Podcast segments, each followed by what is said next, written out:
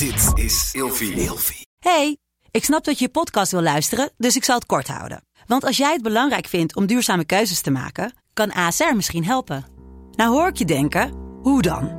Nou, bijvoorbeeld bij het duurzaam herstellen van schade. Of de premies die we beleggen volgens ons duurzaam beleggingsbeleid. Dat bepaalt waar we wel en juist niet in investeren.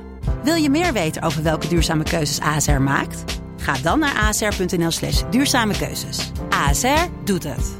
Zo, dan kan je nu lekker naar je podcast luisteren. Vroeger. Meneer de Munnik, we bespreken deze week het onderwerp dinosaurussen. En in deze aflevering hebben we altijd een verhaal in de categorie een historisch personage. We gaan het hebben over Steven Spielberg en zijn film Jurassic Park. Ja, uit 1993. En eh, dat werd binnengehaald als een van de meest eh, zieke science fiction avonturenfilms ooit. De film gaat over een eiland waar ze door middel van genetische manipulatie en, en DNA-onderzoek. Ze halen eigenlijk bloed uit de muggen die in ah, boomhars zijn vastkomen te zitten. Eh, dat noem je barnsteen. En die, die ja, miljoenen jaren oude muggen schijnen bloed van dino's te bevatten. Daar boren ze dan in, dat halen ze eruit en dat mengen ze met amfibie-DNA. En zo creëren ze dus in een laboratorium dinosaurussen. Dit is wat er in de film gebeurt. Ja, of- absoluut. Ik heb die film echt nog nooit Nee, gezien. Dit, is, eh, dit is wat er in de film gebeurt. Vervolgens heb je dus een of andere rijke gek die een attractiepark gaat maken met al die dinosaurussen. En ehm, eigenlijk voordat het park open gaat, wil hij nog eenmalig een grote test doen. Daarvoor nodigt hij een paleontoloog uit en wat andere wetenschappers en mensen die eigenlijk altijd overal vragen bij stellen, om dus een tour te doen door dat park. En vervolgens, nou ja, je, je kan het al raden, het wordt een soort rampenfilm. Alles gaat mis. Alles gaat mis. Snap Stroom ik. valt uit, er is storm.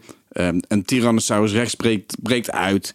Ehm, er zijn mensen die de boel saboteren. Die, die embryo's, hè, de, de baby-dino's in, in buizen proberen te jatten. Maar waarom, maakt, waarom is deze film dan zo goed? Want uiteindelijk gaat het waarschijnlijk weer goed, het eind van de film. Nou, deze film is zo goed omdat dit een van de eerste films is waar dus computertechnieken zijn gebruikt om dinosaurussen levensecht over te laten komen. En de dino's die we daar zien, dat zijn ook echt dino's zoals wij denken dat ze er hebben uitgezien. Ja, absoluut. Dus het is geen echte cijfer. Het is wel van, Eh, ja, er, wordt over, over nagedacht dat. Wacht, nee. ehm, ze, wat- het- ze gaan uit van de heersende gedachte van hoe dinosaurussen eruit hebben gezien. Maar wat dus eh, het mooie is, is dat dus nu de huidige wetenschap erop terug is gekomen. Bijvoorbeeld de Velociraptor, dat is dus een roofdier op twee benen, wat in die film eh, centraal staat. die heeft Als schubben toch? ja, die heeft schubben, ja. Die, die, wordt, die wordt zeg maar met grote klauwen en die kunnen in groepen jagen en met elkaar communiceren.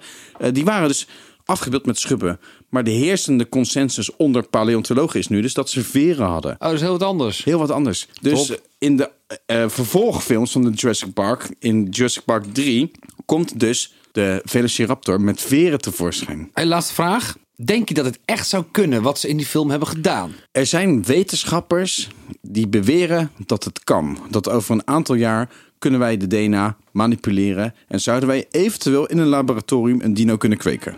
Tot morgen. Vroeger.